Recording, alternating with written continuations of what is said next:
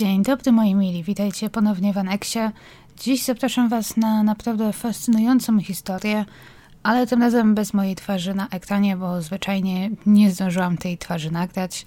Także zapraszam Was dziś na przedziwną sprawę morderstwa Faith Hatchpath, która do dziś pozostaje nierozwiązana, ale jest w tej sprawie bardzo dużo informacji i myślę, że warto podawać je dalej, ponieważ jest naprawdę, istnieje bardzo duża szansa, że wcześniej czy później ta sprawa się rozwiąże. Faith była studentką trzeciego roku na Uniwersytecie w Chapel Hill w Karolinie Północnej i nie różniła się niczym szczególnym od innych studentów i studentek na kampusie. Ale jednak 7 września 2012 roku z nieznanego powodu ktoś brutalnie zakończył jej życie. I jakoś tak, odkąd się o tej sprawie dowiedziałam, nie mogę o niej zapomnieć. Może dlatego, że to morderstwo wydaje się tak strasznie bezsensowne i wydaje się wręcz, że wszystkie możliwe tropy i rozwiązania zostały sprawdzone, a jednak mordercy nie udało się złapać. Chyba też dlatego, że Faith była zaledwie rok starsza ode mnie. Nawet obchodziłyśmy urodziny w tym samym miesiącu.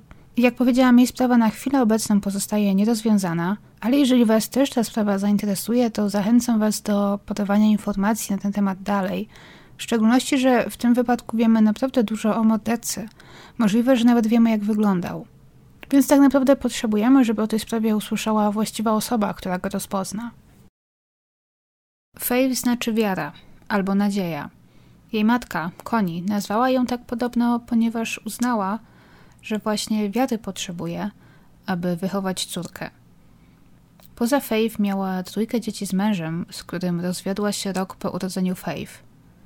Jej mąż był w tamtym czasie mocno uzależniony od narkotyków i jeżeli chodzi o wychowanie dzieci, to lekko mówiąc był niezbyt użyteczny.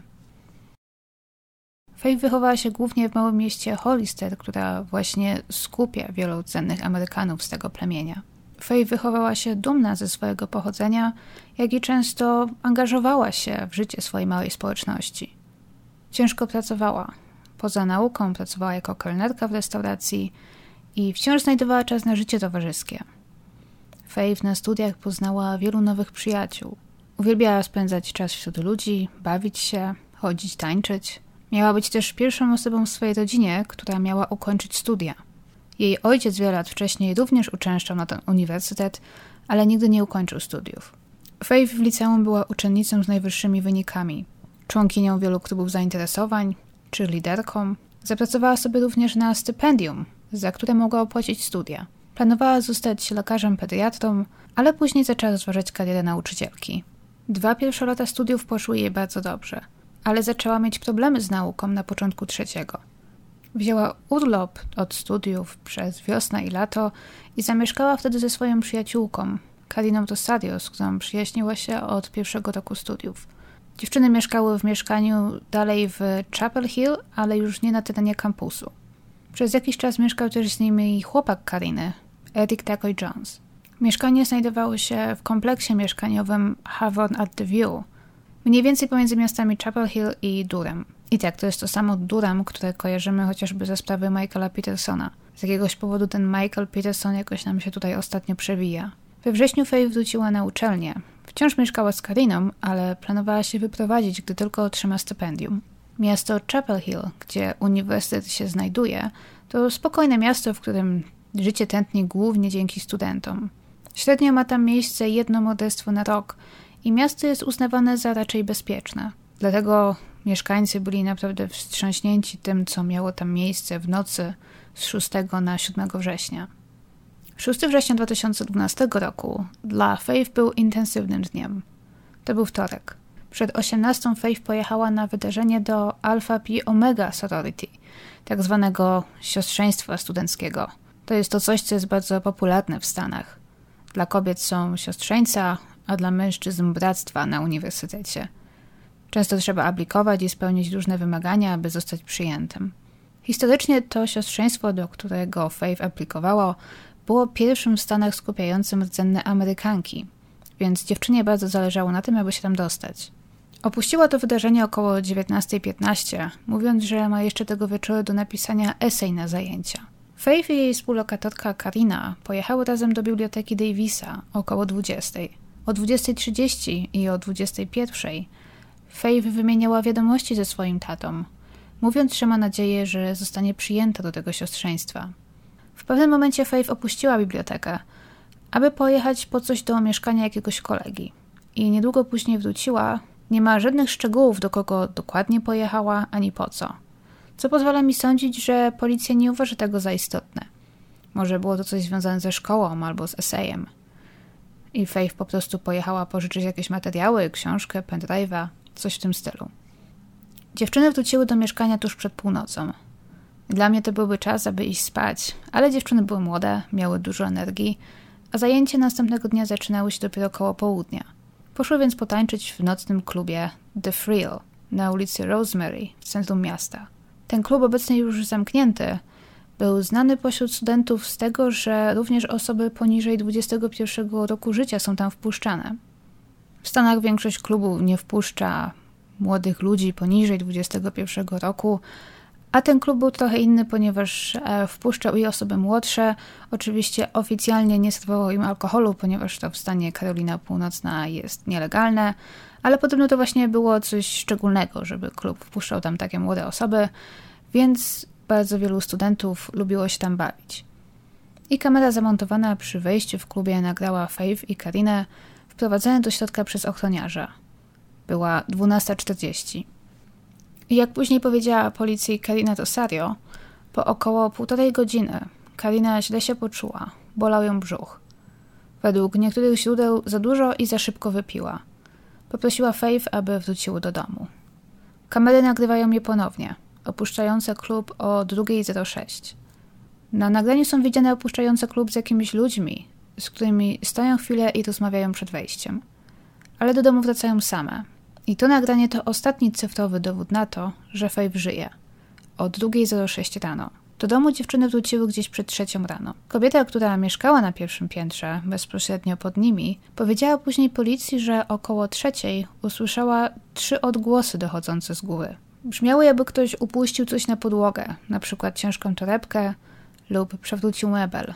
O trzeciej również Faith albo ktoś korzystając z jej telefonu zalogował się na jej konto na Facebooku. O 3.40 z telefonu Faith wysłano wiadomość do Brandona Edwardsa, chłopaka, z którym spotykała się Karina. Wiadomość brzmiała następująco. Cześć B, czy możesz przyjechać, proszę? Rosario potrzebuje ci bardziej niż sądzi. Proszę daj jej znać, że ci zależy. I trzy minuty później wysłano kolejną wiadomość, brzmiącą den, czyli niż, która miała być poprawką i sprostowaniem do poprzedniej wiadomości. Autokorekta prawdopodobnie zmieniła w jej telefonie słowo den na aha. I gdy Faith albo osoba pisząca wiadomość zauważyła błąd po trzech minutach, wysłała wiadomość z poprawką, aby była bardziej czytelna i zrozumiała. I to była ostatnia aktywność wykonana z telefonu Faith o 3.40 rano. W tym samym czasie z telefonu Kariny Tosario dzwoniono na numer Brandona Edwardsa, który jednak nie odebrał. Brandon odpisał na wiadomość Faith dopiero o 4.16 rano, pytając, kto do niego pisze, więc zapewne nie miał w telefonie zapisanego jej numeru. Z jakiegoś powodu dziewczyny tamtej nocy próbowały skontaktować się z Brandonem. Gdy Brandon nie odebrał, Rosario zadzwoniła do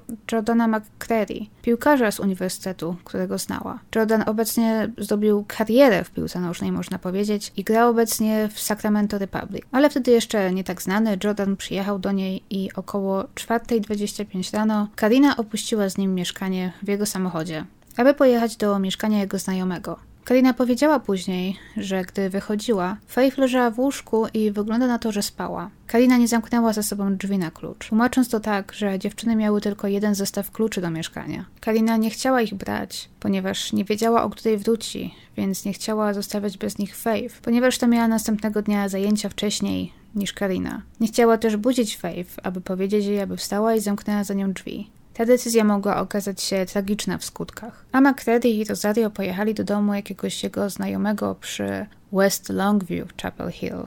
Dotarli tam krótko po 4.30. Karina spędziła tam noc i część poranka. Około 10.30 zaczęła dzwonić do Faith, mając nadzieję, że Faith da radę przyjechać ją odebrać. Karina musiała jechać na zajęcia, ale wpierw potrzebowała wpaść do domu po esej, który przygotowała na ten, na ten dzień. Faith nie odbierała telefonu, co Karinę trochę zdziwiło, więc zadzwoniła do Madison Rangel, innej koleżanki, prosząc o pomoc. Powiedziała, że Faith nie odbiera, więc Madison zaproponowała, że pojedzie po Karinę, podrzuci ją do domu i podwiezie obie dziewczyny na zajęcia. Przypuszczam, że nie chciała, aby dziewczyny prowadziły, ponieważ noc wcześniej najwyraźniej piły alkohol. Marisol udzieliła potem wywiadu, mówiąc, że gdy zajechały pod mieszkanie, zobaczyły na parkingu samochód Faith. To, połączone z faktem, że Faith nie odbierała telefonu, utwierdziło je w przekonaniu, że Faith musiała zaspać po długiej i męczącej nocy. Gdy weszły do środka i zaczęły wołać Faith, nie było odpowiedzi. Wtedy Karina znalazła ciało przyjaciółki zaplątane w kołdrę, w połowie leżące na łóżku, w połowie na podłodze, zakrwawione i częściowo nagie. Karina zadzwoniła na 911. I to nagranie jest dostępne w internecie i zaraz wam je puszczę. Jest ono dosyć zrozumiałe i dobrej jakości, ale również teraz w skrócie opowiem wam, jak ta rozmowa przebiegła. Dyspozytorka odbiera telefon i słyszymy zapłakany głos. Właśnie wróciłam do mojego mieszkania i moja przyjaciółka leży tutaj nieprzytomna. Dyspozytorka pyta, jaki jest twój adres. Karina zaczyna się jąkać, mówi nazwę osiedla, na którym mieszka. Dyspozytorka naciska dalej, aby podała dokładny adres. Na co Karina odpowiada: Dopiero się tutaj wprowadziłam, muszę go znaleźć. Po chwili Karina rzeczywiście podaje adres. Dyspozytorka prosi o powtórzenie, aby upewnić się, że zapisała go poprawnie. Karina powtarza jeszcze raz. Po czym dyspozytorka prosi o podanie numeru, z którego ta dzwoni. Co Karina czyni? Dyspozytorka pyta dalej. Okej, okay, mówisz, że twoja przyjaciółka jest nieprzytomna? Na co Karina? Tak, właśnie weszłam do mieszkania i wszędzie jest krew. Przez telefon słychać, że Karina płacze. Dyspozytorka próbuje ją uspokoić, ponieważ to, co Karina mówi, nie jest zbyt zrozumiałe. Mówi, że karetka jest już w drodze i próbuje otrzymać jak najwięcej informacji od płaczącej Kariny. Mówi, że poinstruuje ją, jak może pomóc swojej przyjaciółce. Pyta, ile ma lat. Karina odpowiada, że 19. Dyspozytorka pyta, czy jej przyjaciółka oddycha. Karina mówi, że nie wie. Dyspozytorka stanowczym głosem instruuje ją, aby podeszła i sprawdziła. Po chwili słyszymy Karinę mówiącą: Nie sądzę, wszędzie jest krew. Dyspozytorka prosi o powtórzenie. Co jest wszędzie?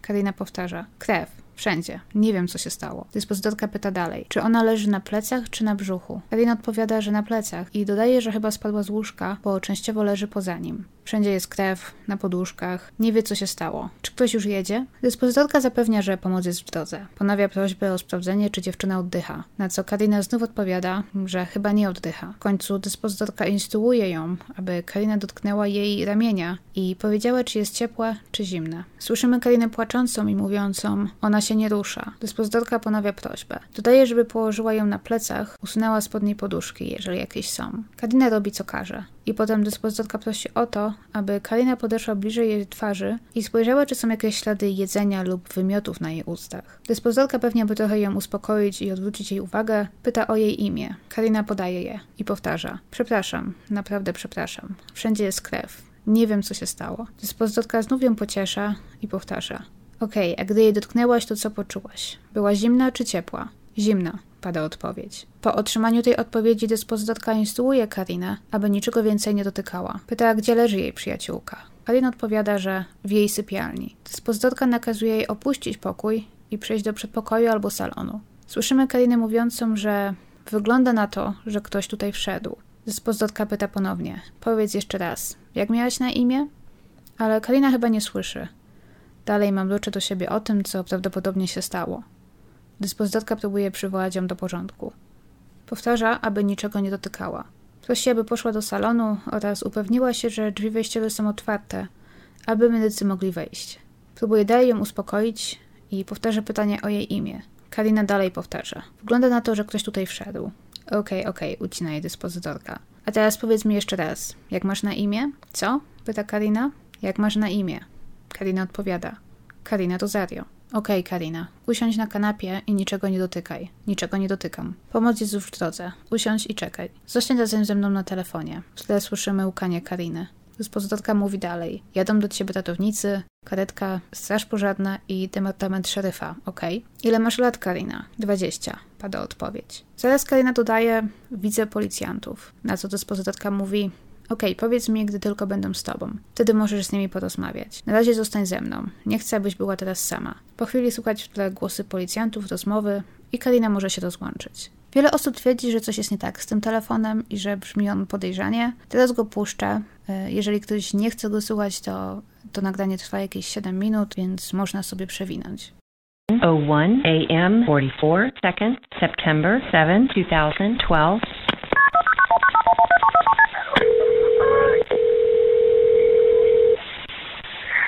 Durham 911, where is your emergency? Hi, um, I just walked into my apartment and my friend is just like she's unconscious. Okay, what's your address, ma'am? I live at Hawthorne at the View. Um, Give me give me the address. I just I just moved here. I'm about to get it. Oh my god. It's um five six three nine Old Chapel Hill Road in Durham. Okay, repeat it to me so repeat it to me so I make sure I've got it correct.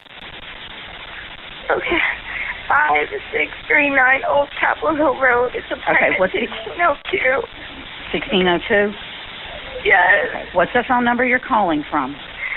Two zero one three two one eight zero seven five. Okay, you say your friend is unconscious? He's unconscious. I just walked in the apartment and there looks like there's blood Okay, everywhere. listen to and- okay, listen to me. Listen to me. Somebody's already sending the ambulance. Okay? I need to get some information from you and I'm gonna I'm gonna help I'm gonna tell you how to help her, okay? Okay. Okay, I how how old is your how old is she? He's nineteen. Okay. I don't know. I don't Okay. want to touch her, but Listen to me. Is is she breathing? I don't know. You need to check and see. Is she breathing? Kate, I don't think so. I don't think so. Okay, listen to me. There's blood everywhere. There's what? There's blood everywhere. Okay. I don't know what happened. Okay, is she on her back or is she on her laying on her stomach? She's on, she's on her back, but like she, I think she fell off the bed because she's like off the bed. There's blood all over the pillows, like in the comforter. I just don't know what happened. Okay. All right, listen to me, all right? Is someone coming? Yes, I've got somebody coming. I've got somebody coming. I need for you to help her. I need for you to go up to her. We need to see if she's breathing or not.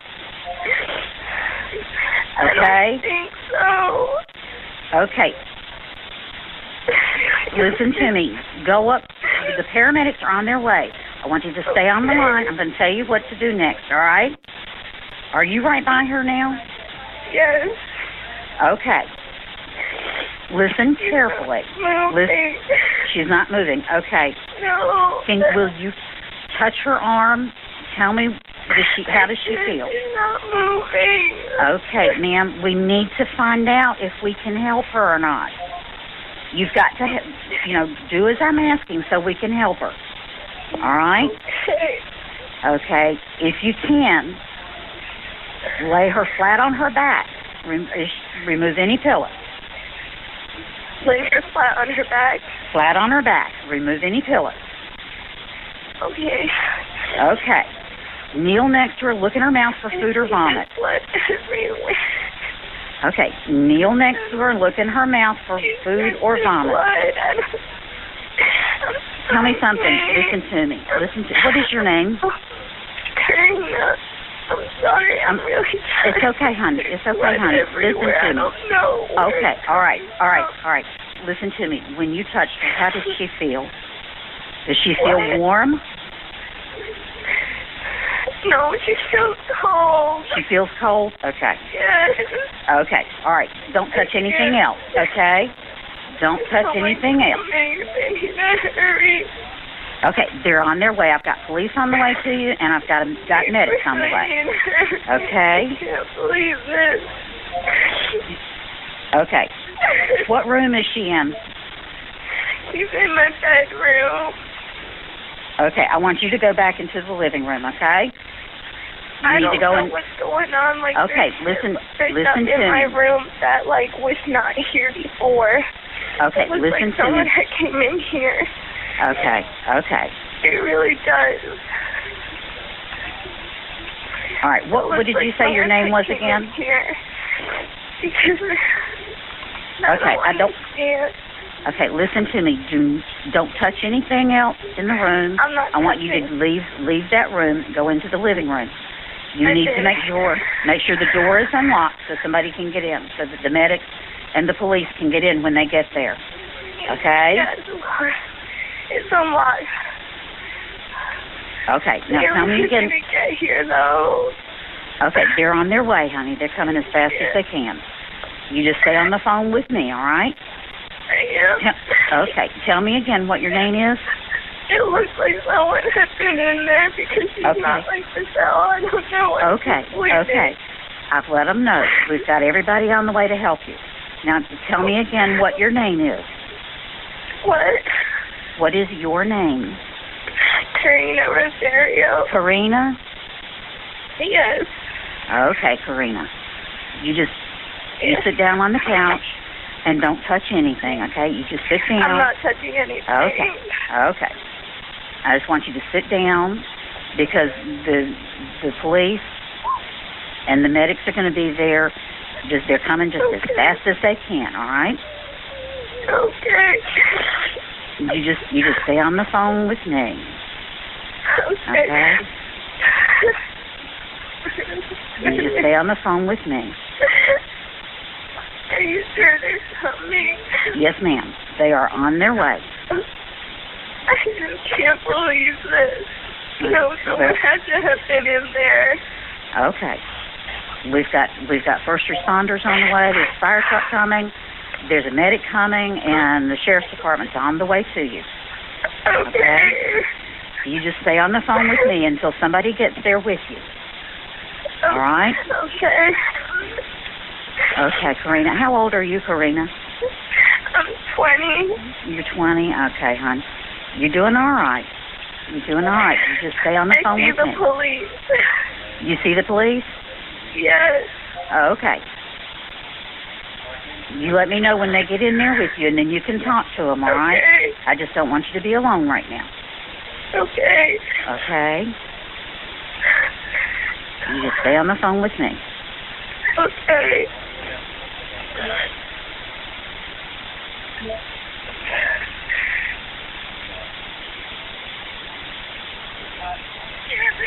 Are they in there with you?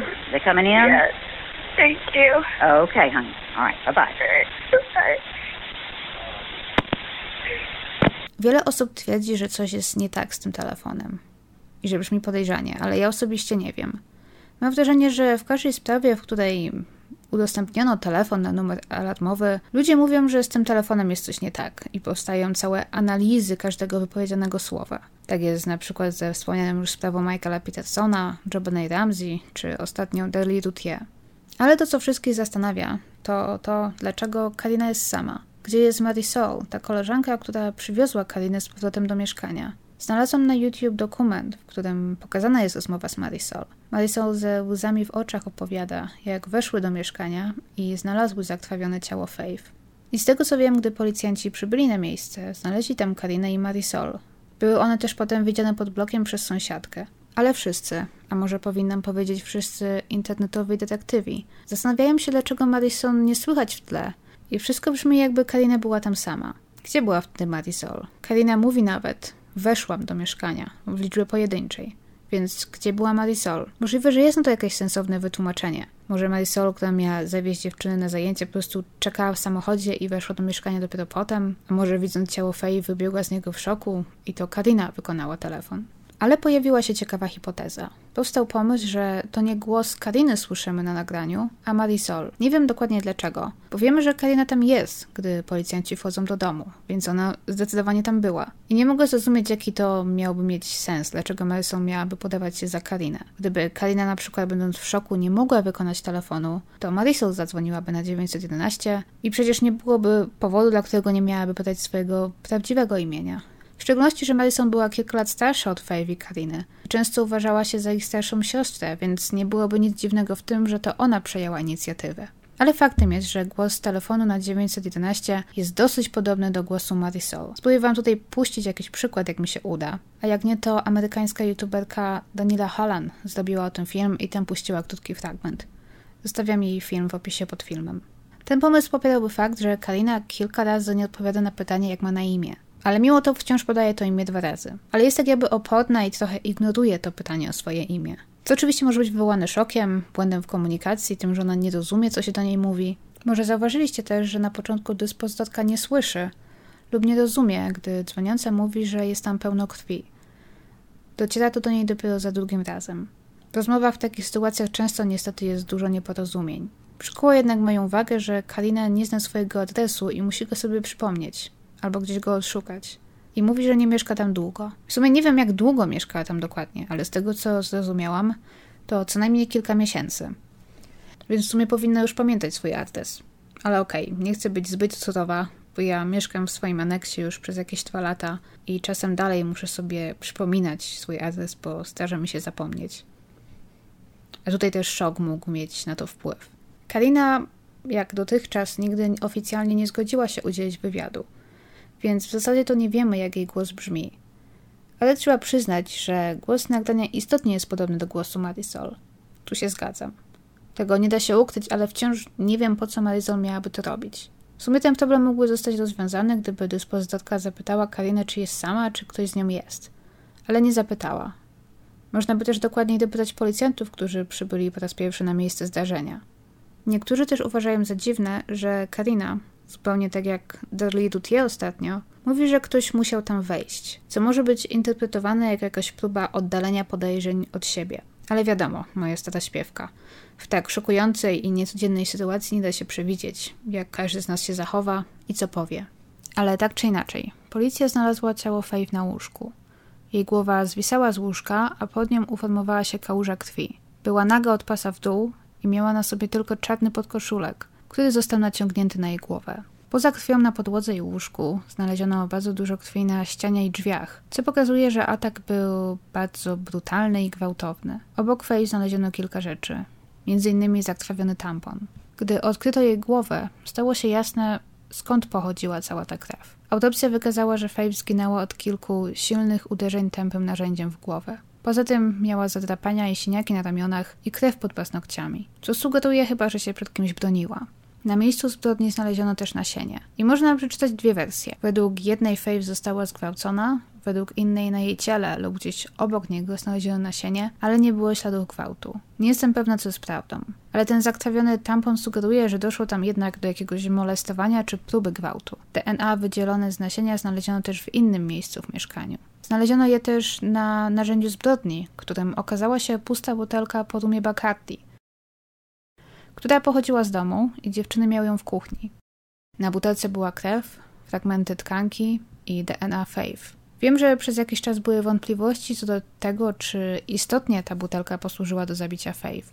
Bo przecież powinna była się stłuc, jeżeli Faith została nią wielokrotnie uderzona. Ale potem nawet jakoś to odtworzono i przetestowano i okazało się, że tak, rzeczywiście możliwe było uderzenie kogoś w głowę tą butelką nawet kilkakrotnie i nie zbicie jej. Najdziwniejszy dowód zebrany z miejsca zbrodni, wokół którego powstało mnóstwo spekulacji i interpretacji, była papierowa torebka po jedzeniu na wynos, a na niej nabazgrane kilka słów. I am not stupid, bitch, jealous. Czyli nie jestem głupi, głupia, po czym brzydkie, obraźliwe słowo i słowo zazdrosne albo zazdrosna. Pokażę wam tego zdjęcie. Ta dziwna wiadomość została napisana na papierowej torbie, która znajdowała się w mieszkaniu. Wracając z klubu, Faith i Karina zatrzymały się w całodobowej restauracji serwującej jedzenie na wynos o nazwie Time Out. To podobno taka właśnie popularna restauracja wśród studentów, czy ogólnie ludzi, którzy imprezują i zgłodnieją nad ranem. To, co też rzuciło się w oczy, to to, że całe miejsce było zachlapane krwią, a mimo to na torbie nie było ani kropli. Dlatego uważacie, że została ona napisana albo przed morderstwem, albo z dala od sypialni, gdzie Faith została zabita. Sprawca prawdopodobnie umył też ręce. Pismo jest dosyć niechlujne. Grafolog, która przeanalizowała tę notatkę, powiedziała, że jest możliwe, że osoba, która napisała to, celowo użyła swojej niedominującej ręki, aby trochę ukryć charakter pisma. Nie jest też do końca jasne, do kogo ta notatka miała być skierowana i co w ogóle oznacza. I'm not stupid, nie jestem głupi, głupia. Jest dosyć zrozumiałe. Sprawca został albo nazwany przez ofiarę głupim i bardzo go to rozjuszyło, albo sądził, że Faith go za takiego uważa. Lub Faith zrobiła coś za jego, jej plecami, myśląc, że sprawca tego nie widzi i o tym nie wie. W drugiej linijce znajduje się słówko bitch, a w trzeciej słówko zazdrość. I tutaj oczywiście wzbudziło podejrzenia, że w grę wchodziła jakaś zazdrość lub zawiść. Są też podejrzenia, że to notatka mogła w ogóle nie być skierowana do Faith.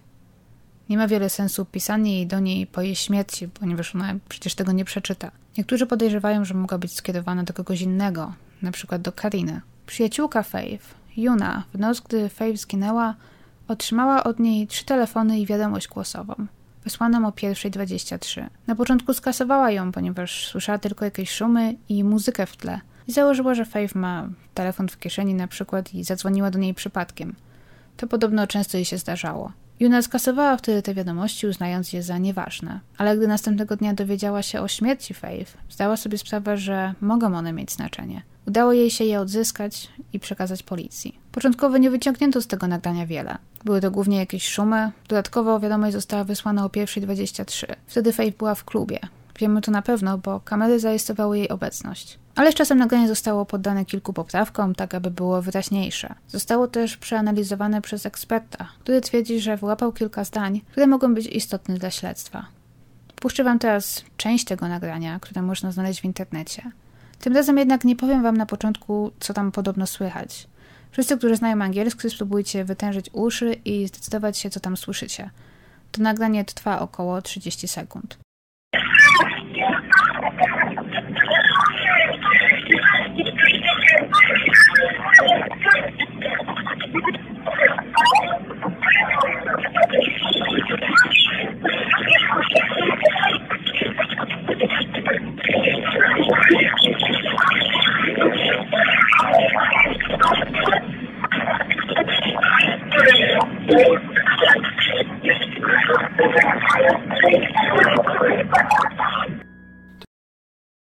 Okej, okay, proszę, powiedzcie mi, że nie tylko dla mnie to brzmi jak jakaś spytanina dźwięków niemożliwych do rozróżnienia. Nawet poprosiłam o posłuchanie tego nagrania osoby, której pierwszym językiem jest angielski i on też nie zrozumiał, nie wyłapał ani słowa. Ale oto, co pewien ekspert uważa, że można usłyszeć na tym nagraniu. Najważniejszy fragment ma brzmieć tak. Kobiecy głos pyta, a więc chcesz kręcić z moim chłopakiem? Na co inny głos, podobno głos Faith, odpowiada – nie Rosie. Powiedziałam, że nie. Na co druga kobieta odpowiada.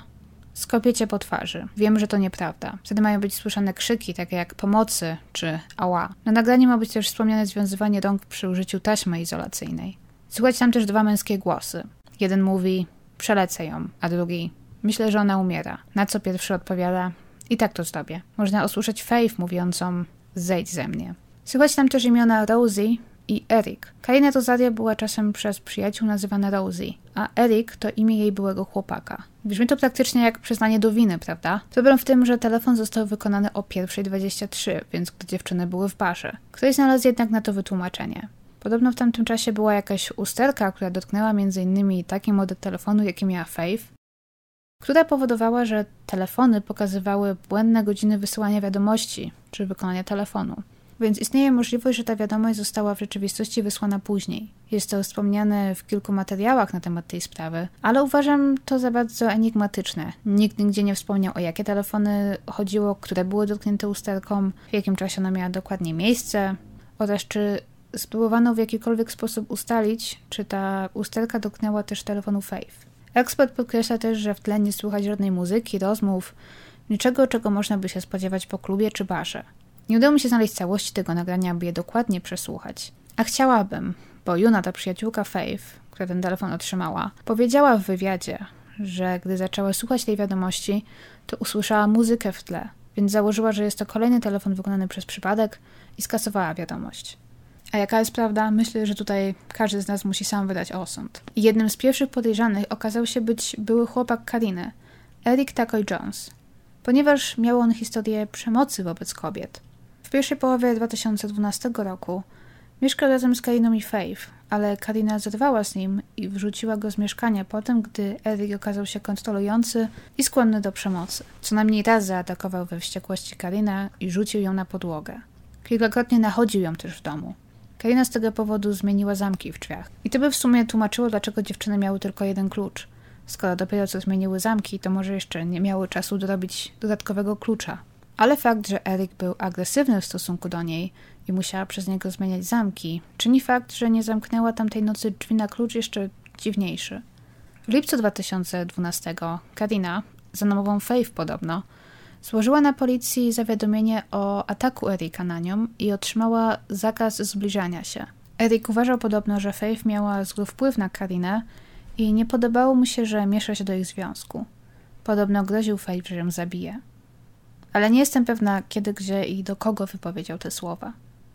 Poza tym był. Poza tym był do jakiegoś stopnia zamieszany w narkotyki. Miał z tego powodu wyrok. Mało tego, Erik po zostaniu wyrzuconym z mieszkania znalazł nowe, na tym samym osiedlu, zaledwie kilka bloków dalej. Gdy znaleziono ciało Faith, a pod jej domem zgromadziła się policja i prasa, przyszedł, aby zapytać, co się dzieje. Gdy dowiedział się, że to Faith zginęła, udzielił nawet prasie wywiadu, mówiąc o niej była najsłodszą osobą, jaką znałem. Jestem w szoku. A dzień przed śmiercią Faith, Eric Takoy opublikował dziwny post na Facebooku. Jego treść brzmiała Boże, wybacz mi wszystkie moje grzechy, które mogę dziś popełnić. Chroń mnie przed dziewczynami, które na mnie nie zasługują i przed tymi, które życzą mi śmierci. Po pierwsze, ten fragment chroń mnie przed dziewczynami, które na mnie nie zasługują, brzmi jak typowa czerwona flaga. Erik chyba czuje się oszukany przez płeć żeńską, albo przynajmniej przez jakąś jej część. I mam wrażenie, że zerwanie z nimi, otrzymanie zakazu zbliżania się, to był dobry pomysł.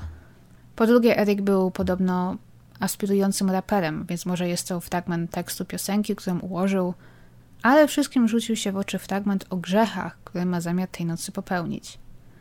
Czy Erik coś planował? Policja przesłała go wiele razy, ale nie wiem, jak skomentował ten post, gdy został o niego zapytany. Czy dano mu szansę wyjaśnić, co miał na myśli? Bo wiele grzechów mógł mieć zamiar popełnić. Mógł planować imprezowanie, branie narkotyków, picie alkoholu, a może spiskował, aby kogoś zabić? Tak czy inaczej, wszystko to razem wzięte nie wygląda dla niego najlepiej. I spore było zdziwienie wszystkich, gdy wzięto od niego próbkę DNA i okazała się nie pasować. Wciąż jednak była szansa, że Eric nasłał kogoś do zgwałcenia i zabicia Faith. Albo zabrał tam kogoś ze sobą. Przetestowano też wszystkich jego znajomych, ale znów bez rezultatu. Zainteresowanie wtedy przeniosło się na Brandona Edwardsa, mężczyznę, do którego dziewczyny dzwoniły i pisały tamtej nocy. Brandon też podobno był w klubie The Thrill, ale nie wiem, czy bawili się razem, czy osobno. Brandon spotykał się z Kariną, ale nie była to żadna poważna czy bliska relacja. Mam wrażenie, że po zerwaniu z Erikiem Karina po prostu zaczęła spotykać się z różnymi ludźmi, ale nie wyszła jeszcze z nikim w bliższy związek. Edward zresztą przyznał, że był u Kariny i Faye w poprzedniej nocy i spał na ich kanapie. Jego DNA jednak również nie pasowało do DNA sprawcy. Wtedy zainteresowanie przyniosło się na piłkarza, Jordana McCreary, który przyjechał tamtej nocy po Karinę. Ale jego DNA również nie pasowało, tak samo jak DNA mężczyzny, do którego tamtej nocy pojechali. Ale to jeszcze nie koniec podejrzanych mężczyzn. Faith nie miała w tamtym okresie stałego chłopaka. W czasie studiów pozostawała w związku z chłopakiem imieniem Tai, jednak para rozstała się kilkakrotnie i ponownie schodziła. Z tego co zrozumiałam, Faith nie była pewna, z kim chce być.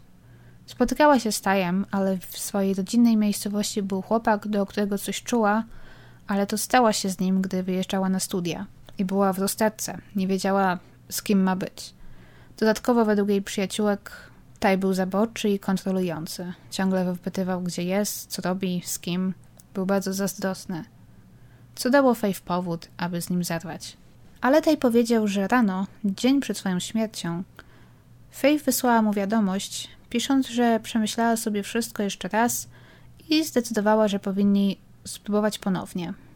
Taj pokazał policji i rodzinie tą wiadomość. Jej tata, Roland, ma podejrzenie, że wiadomość mogła nie zostać napisana przez Faith, ponieważ było w niej dużo błędów. A Faith podobno miała obsesję na punkcie poprawnego pisania. Ale jeżeli to nie Faith napisała tę wiadomość, to kto? Wysłano ją jakieś 20 godzin przed jej śmiercią. A wiemy, że Faith cały ten czas miała przy sobie telefon, więc to ona musiała wysłać tę wiadomość. albo przynajmniej poprosiła kogoś, aby ją dla niej napisał. Niechlujną pisownię można też wytłumaczyć zdenerwowaniem czy pośpiechem. Tej oczywiście też został poproszony o próbkę DNA. I też nie pasowało. Potem, gdy policja nie zdołała złapać sprawcy, do pomocy wkroczyło FBI, które stworzyło profil sprawcy. Według ich profilerów możliwe jest, że morderca Faith mieszkał kiedyś gdzieś blisko niej i mógł być jej znajomym. Wykazał też w przeszłości zainteresowanie nią, ale mógł zostać odrzucony. Jego zachowanie zaraz po morderstwie diametralnie się zmieniło. Przejawia też niezdrowe, obsesyjne zainteresowanie sprawą jej morderstwa i pewnie dużo o niej mówi. Niestety niewiele to dało, bo Faye w swoim życiu miała wielu znajomych, a jej śmierć była tak wielkim szokiem dla całego miasta i wszystkich jej przyjaciół, że chyba nikt jakoś szczególnie nie wyróżnił się, jeżeli chodzi o obsesyjne zainteresowanie jej sprawą. A pamiętacie może sprawę morderstwa rodziny Miyazawa, której dzięki DNA sprawcy udało się ustalić jego pochodzenie i jeszcze kilka innych rzeczy? No to tutaj zrobiono coś podobnego, ale na jeszcze wyższym poziomie. DNA zostało w końcu przekazane prywatnej firmie Parabon Nanolabs, które zajmuje się czymś, co nazywa się DNA phenotyping. I mówiąc w prosty sposób znowu, na podstawie materiału DNA, ta firma potrafi ustalić albo twierdzi, że potrafi ustalić wiele cech właściciela tego DNA, nawet jego rysy twarzy. Mogą to osiągnąć bazując na dużej bazie próbek, które mają. I na podstawie tych próbek mogą oszacować, jak ktoś może wyglądać. Nawet przygotowali taką ładną infografikę, którą Wam tutaj zaprezentuję i przeanalizujmy sobie krótko, co im wyszło. Z 85% pewnością mogą powiedzieć, że kolor skóry sprawcy jest jasno lub ciemno-oliwkowy. Jego oczy również są ciemne, na 93%. Podobnie sprawa ma się z włosami. Są czarne lub ciemnobrązowe. Sprawca nie ma piegów lub ma zaledwie kilka. Jeżeli chodzi o jego pochodzenie, to w 35% ma korzenie w Ameryce Centralnej, przede wszystkim w Meksyku i Kolumbii oraz w 95% na Półwyspie Iberyjskim. Kilka procent stanowią też inne kraje Ameryki Południowej, Bliski Wschód i Południowa Afryka. Czyli co z tego wiemy? Sprawca jest najprawdopodobniej pochodzenia latynoskiego. Carbon Nanolabs stworzyło też jego podobiznę, jak podejrzany może wyglądać. I to jest zadziwiająco realistyczny model. Został pokazany jako młody człowiek o normalnej wadze ale należy pamiętać, że na podstawie jego DNA nie znamy tych szczegółów, więc może być starszy, młodszy, może być otyły lub mieć niedowagę. A to znacznie może zmieniać jego wygląd. I rozumiem, że takie szczegóły jak kolor oczu, skóry, pochodzenie rzeczywiście da się ustalić na podstawie DNA. Takie rzeczy robiono już od jakiegoś czasu. Ale chciałabym naprawdę wiedzieć, jak trafny jest ten, nazwijmy ich, portret pamięciowy. Trzymam kciuki, aby ta sprawa się rozwiązała i abyśmy kiedyś mogli to porównać. Bo możliwe, że na tym etapie jest to takie trochę wróżenie z fusów. Ale tak czy inaczej, nauka jest super. Niesamowite, jakie postępy zrobiliśmy w tych ostatnich dekadach i mam nadzieję, że będzie tylko lepiej. Przypomina mi to trochę sposób, w jaki złapano Golden State Killera przy użyciu bazy GED Match. Swoją drogą, ciekawe, czy są plany, aby tą metodą spróbować rozwiązać tę sprawę. Czy może już to zrobiono i niestety nie przyniosło to żadnych skutków.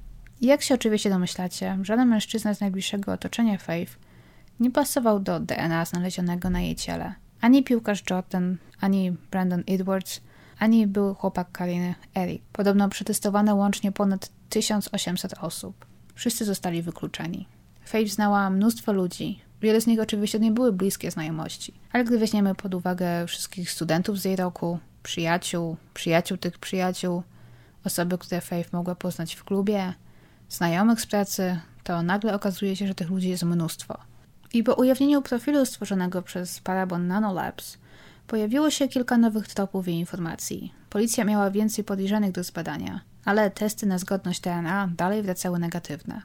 Podobno jednak wciąż uważają Erika, byłego Kariny, za możliwego podejrzanego.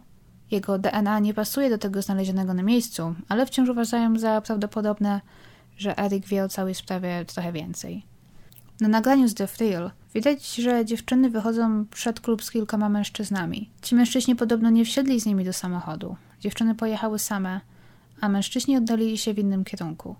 Ale zostali potem odnalezieni, no bo wciąż była szansa, że jednak za nimi podążyli. Wiem, że jeden z nich nazywał się David Bell. Ich DNA też nie pasowało do tego znalezionego na miejscu zbrodni. Podobno w ogóle wielu mężczyzn, którzy byli tamtej nocy w The Thrill, zostało wyśledzonych i przetestowanych. Możliwe też, że macie w głowie jedno pytanie i niecierpliwicie się, kiedy i czy w ogóle poruszę te kwestie. Ale niestety nie. Na osiedlu, gdzie Faith wynajmowała pokój, nie było kamer. Karina nie chce rozmawiać z prasą. Gdy dziennikarz stacji NBC pojawił się pod domem, w którym Karina obecnie mieszka, pytając, czy chce opowiedzieć swoją historię i udzielić im wywiadu, Karina odmówiła. Ale z tego, co policja przekazała NBC, Karina została przez ten cały czas łącznie przesłuchana około 10 razy. Została określona jako otwarta, gotowa na współpracę i nie jest brana pod uwagę jako podejrzana. Ale rodzina Faith jest przekonana, że Karina wie więcej niż mówi. Byli zdziwieni, że policja nie uważa jej za podejrzaną.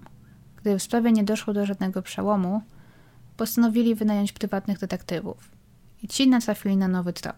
Współlokator Brandona Edwardsa podobno ma przeszłość kryminalną.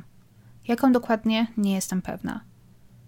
Udało im się jakoś zdobyć jego umowę o wynajem mieszkania i podejrzewają, że jego pismo jest dosyć podobne do pisma z dziwnej notatki na papierowej torbie. Skonsultowali to z grafologiem, który zauważył kilka ciekawych rzeczy. Przede wszystkim, jeżeli ta notatka była pisana przez kogoś po dokonaniu morderstwa i gwałtu, to sprawca musiał być chociaż trochę poruszony czy zdenerwowany, co mogło wpłynąć na jego charakter pisma. Zauważył też kilka podobieństw w piśmie, ale niewystarczająco, aby wydać jednoznaczną opinię. Te informacje zostały podobno przekazane dalej policji, ale na chwilę obecną nie wiadomo, czy podjęto jakieś kroki. Ale z tego co mi wiadomo, współlokator Brandona jest czarnoskóry, a my poszukujemy latynosa. I pomówmy jeszcze trochę o Karinie. Jeżeli poczytacie komentarze w internecie, to możecie zauważyć, że wiele osób wskazuje właśnie na Karinę. Oczywiście Karina nie może być właścicielką nasienia znalezionego na ciele Faith, ale możliwe, że wie coś więcej. Chociażby dlatego, że nie zamknęła tamtej nocy drzwi. To plus te rewelacje, które podobno słuchać na wiadomości głosowej, zdają się wskazywać na nią. Powstała hipoteza, w internecie przynajmniej, że Karina zaatakowała Faith Fury, ponieważ była o coś zazdrosna. Lub dziewczyny pokłóciły się o chłopaka na przykład. Później upozorowała przy czyjejś pomocy atak na Faith i zadzwoniła do Jordana, aby ją stamtąd zabrał. Chciała tym sposobem zapewnić sobie alibi. Po czym wróciła do domu, udając szok, że jej przyjaciółka nie żyje. Trochę kojarzy mi się to z zarzutami przeciwko Amandzie Knox. Ich przyjaciółka Juna powiedziała policji, że niedługo przed śmiercią Faith powiedziała jej, że planuje wyprowadzić się od Kariny i zapytała, czy może na jakiś czas zatrzymać się u Juny. Co może wskazywać na to, że między dziewczynami coś było nie tak. Ale Faith nie wyjaśniła wtedy o co chodzi. I cokolwiek by między nimi nie było, wciąż jednak spędziły razem wieczór w bibliotece, a potem w klubie. Więc nie mogło być między nimi aż tak źle. Tylko, że wszyscy znajomi Faith i Kariny zostali poproszeni o próbkę DNA, a jednak żadna nie pasowała. Kim więc jest ten tajemniczy wspólnik, który zgwałcił Faith? I jeszcze jedna rzecz nie daje mi spokoju. Ta sąsiadka, która mieszkała pod nimi, powiedziała, że około trzeciej usłyszała jakieś hałasy, jakby ktoś upuścił coś na podłogę. Faith została zaatakowana na łóżku, wiemy to dzięki śladom krwi. Więc cokolwiek ta sąsiadka słyszała, musiało to być coś innego. Wiemy też, że Karina, nie wiem jak Faith, ale Karina piła coś tamtej nocy i możliwe, że któraś z nich po pijanemu coś przewróciła lub na coś wpadła. Ale dręczy mnie to, że atak na Faith musiał narobić chociaż trochę hałasu. Puszczam, że młoda, silna dziewczyna stawiałaby opór i wołała o pomoc. Dziwne, że nikt z sąsiadów niczego nie słyszał. To również nie pasuje mi do tego, co niby słyszymy na wiadomości głosowej. Jeżeli słyszymy tam wołania o pomoc, to dlaczego nikt z sąsiadów niczego nie słyszał? Oczywiście to taka pora, że wszyscy spali, ale wierzę, że jedna, chociaż jedna osoba usłyszałaby coś, chociażby przez sen. To wszystko powoduje, że zaczynam podejrzewać, że Faith została uderzona w głowę, gdy spała. I pierwsze uderzenia odebrały jej przytomność, albo jej od razu zabiły i dopiero wtedy została zgwałcona. Gdyby ktoś próbował wykorzystać ją, gdy była przytomna, ktoś musiałby coś usłyszeć. Warto też zauważyć, że sprawca musiał spędzić w domu trochę czasu. Jeżeli założymy, że to morderca napisał jeżeli założymy, że to morderca napisał tę tajemniczą notatkę, to najwyraźniej umył najpierw ręce, bo nie mogę jej przynieść ze sobą. Została ona napisana na papierowej torbie, która znajdowała się wcześniej w mieszkaniu. Nie było na niej w ogóle krwi, więc albo sprawca umył ręce przed napisaniem jej, albo napisał ją przed zaatakowaniem Faith. Czy umył tam ręce można łatwo sprawdzić, ale nie jestem pewna, czy kiedykolwiek zrobiono testy luminolem w łazience i w kuchni, aby sprawdzić, czy ktoś zakrwawiony się tam mył. Nie wiem też, czy znaleziono jakieś niezidentyfikowane odciski palców, w szczególności na butelce, która posłużyła do zabicia Faith. Jeżeli nie, to morderca najwyraźniej nosił rękawiczki. Uważa się też, że morderca mógł wiedzieć, że Karina nie wróci prędko. W innym wypadku ryzykowałby zostanie złapanym. Więc to znów wskazuje na to, że Karina wie coś więcej i mogła z kimś współpracować. I a propos tej notatki jeszcze, to oczywiście, ponieważ została ona napisana w taki sposób, ciężko jest powiedzieć coś na pewno, ale grafolodzy są raczej zgodni, że nie została ona napisana przez Karinę. Wydaje mi się też, że nie próbuje się generalnie za dużo tłumaczyć czy mówić o motywacjach Kariny i o tym, jak ta noc w ogóle dla niej wyglądała. Karina idzie z Faith na imprezę, upija się w niecałe dwie godziny, źle się czuje i chce do domu. Faith zabiera ją do domu, potem piszą do Brandona.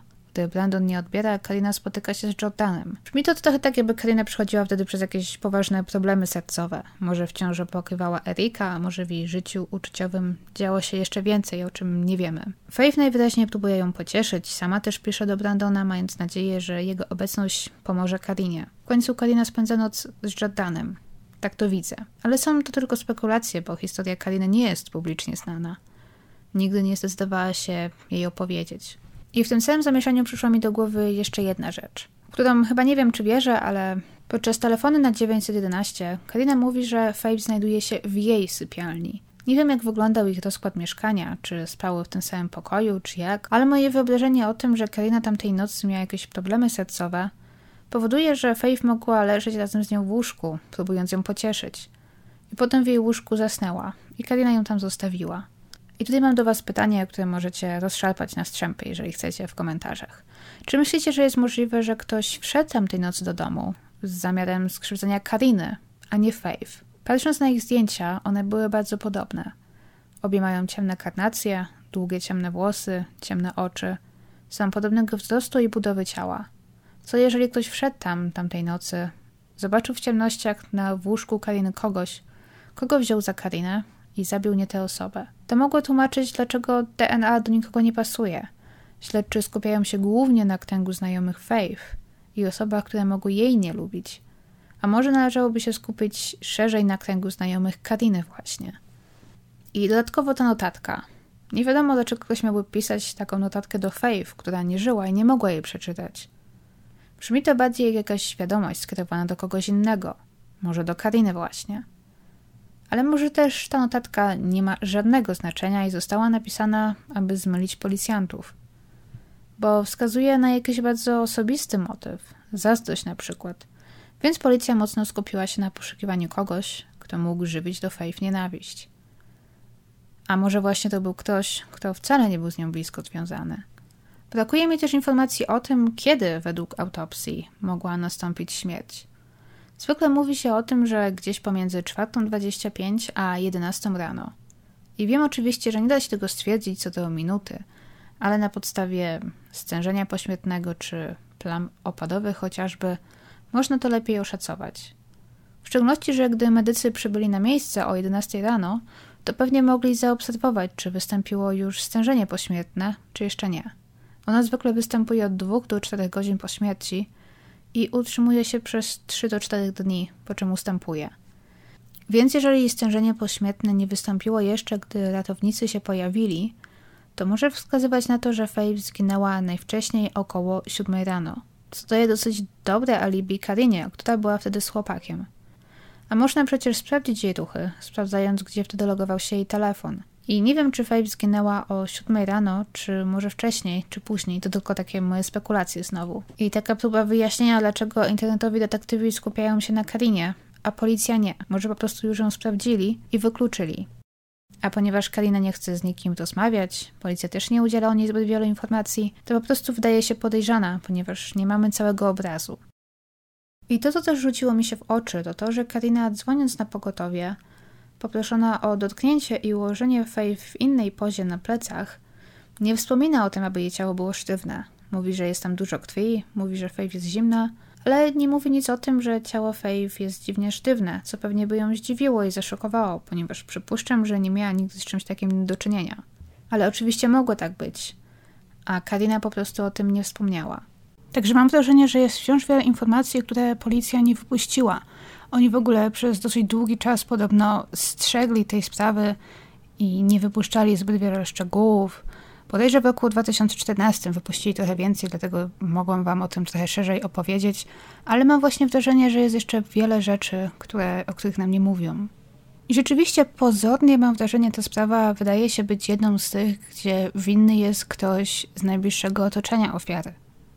Wygląda jak jakieś przestępstwo popełnione, ponieważ ktoś Faith nienawidził, żywił do niej jakąś urazę czy zazdrość, albo miał na jej punkcie obsesję.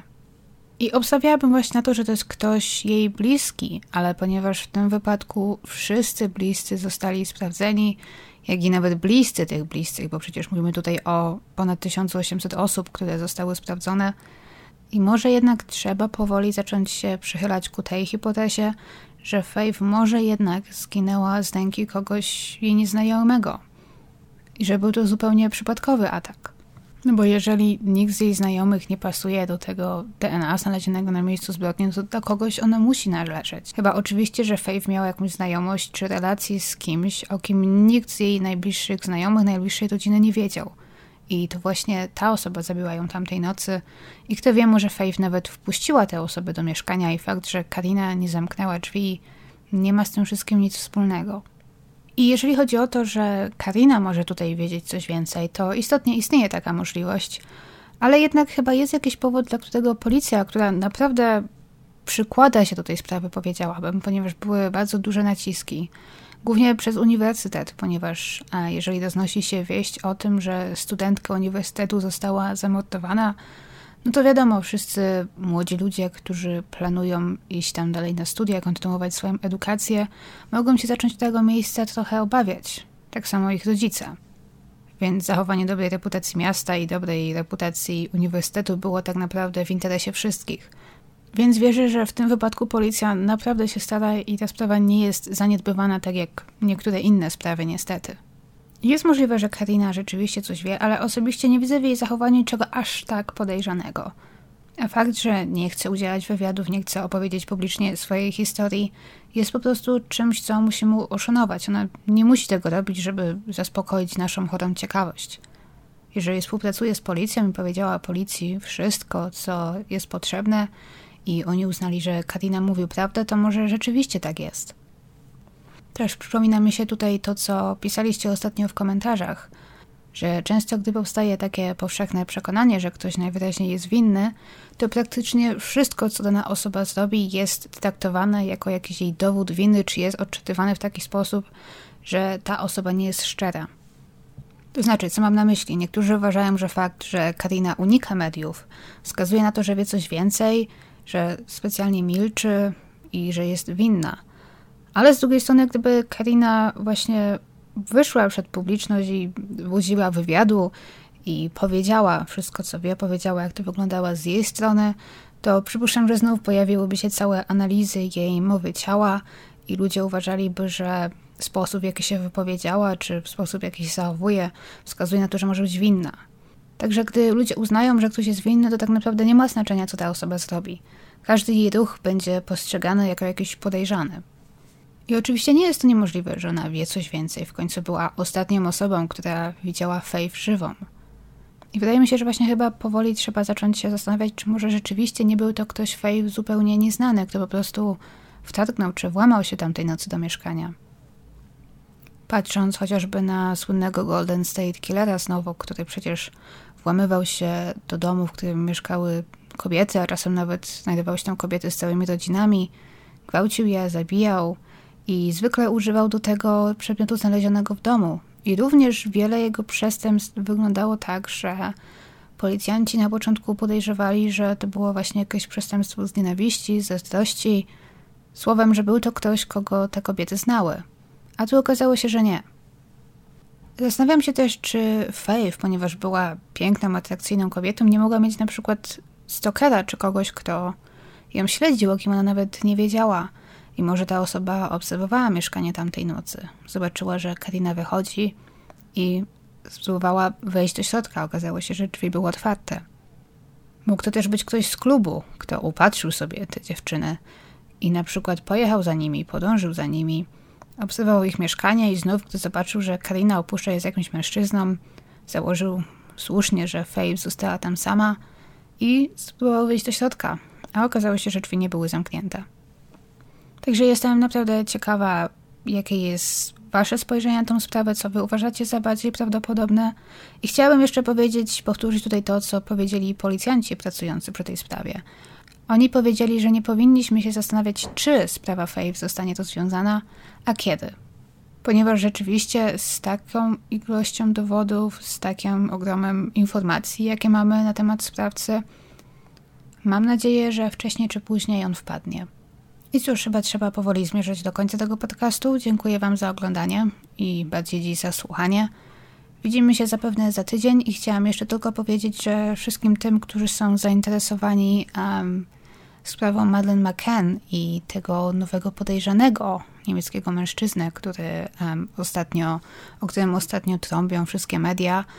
Pod poprzednim filmem, gdzie krótko o nim mówię, zaczęłam w komentarze wklejać takie krótkie um, update'y powiedzmy, czyli wszystkie nowe informacje, jakie na jego temat wychodzą i wkleić tam linki do artykułów. Jeżeli to się dostaśnie, to przypuszczam, że przyniosę to na bloga na przykład, także zostawię Wam wtedy link, ale właśnie jakby ktoś był zainteresowany, to tam w tym komentarzu zaczęłam podawać różne nowości, które w tej sprawie wynikają, bo jest ich naprawdę dużo i praktycznie jak na razie codziennie pojawia się coś nowego. Także to tyle. Dzięki moi kochani za słuchanie. I jak zawsze pod koniec podcastu jeżdżą mi samochody koło domu, jeżdżą jakbym mieszkała koło toru wyścigowego. I dobra, do zobaczenia, pa.